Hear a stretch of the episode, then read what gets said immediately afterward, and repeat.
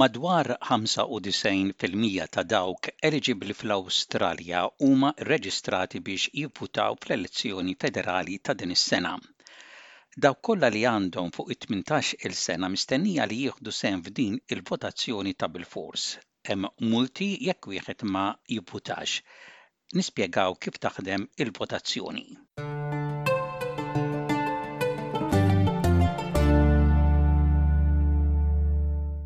Aktar kmieni din is-sena, il-Kummissjoni Elettorali Awstraljana bdiet tikkuntattja mal-560,000 persuna li potenzjalment ma kinux fuq ir-reġistru elettorali meta suppost kienu rreġistrati.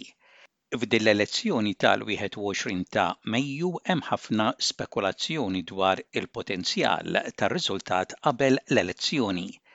Xi akkademiċi qegħdin ibassru dwar il-possibbiltà ta' parlament bla maġġoranza, hung parliament. imma dan jiddependi fuq l-għadd tal-voti u r-riżultati. Possibbiltà ta' Parlament bla maġġoranza huwa meta l-ebda partit jew koalizzjoni ta' partiti ma jkollhom maġġoranza fil-Kamra tar-Rappreżentanti. Ian Tulloch minn Adjunct Research mill-Università ta' La Trobe jispjega dak li jiġri meta jkun hemm Parlament bla maġġuranza. Dan imbagħad ikun jiddependi fuq il-kandidati indipendenti li jiddeċiedu liema partit maġġuri jappoġġjaw biex ikun iffurmat il-Gvern. Parlamenti bla maġġoranza qegħdin isiru aktar relevanti waqt li l-partiti żgħaru indipendenti jkollhom il-bilanċ tal-poter fi gvernijiet moderni.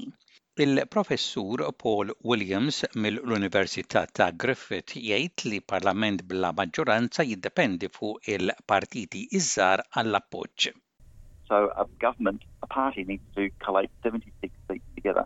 And ironically, that's what Scott Morrison's Liberal National Coalition is sitting on at the moment.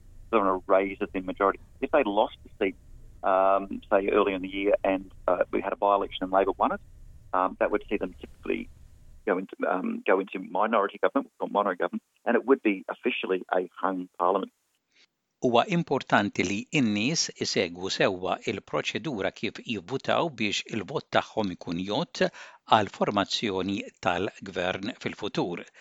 Il-Kummissjoni Elettorali Awstraljana tgħid li votanti jistgħu jitolbu għal karta oħra tal-vot jekk meta jkunu qegħdin jivvutaw jagħmlu żball u jkunu jridu jerġgħu jibdew mill-bidu.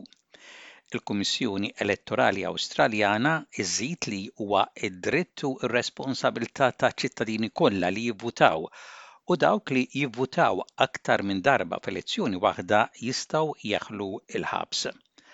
U għal dawk li jbassru dwar dak li jista' jiġri, Dottor Peter Chen mill-Università ta' Sydney jgħid li l-istħarriġ ta' l-opinjoni pubblika jista' jagħtina indikazzjoni.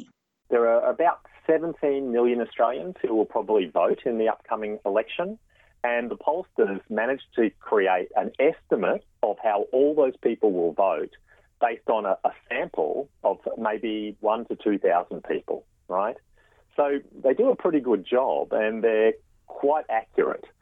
Evan Akin Smith mill-Kummissjoni Elettorali Awstraljana jinkoraġġixxi lil kulħadd biex id-dettalji personali ta' l-individwi jkunu aġġornati fuq ir-reġistru elettorali qabel l-elezzjoni federali. So, if you're one of those people, or if you've moved house recently, you'd need to go to the AEC website, check, you know, you can enrol for the first time or update your details if you need to.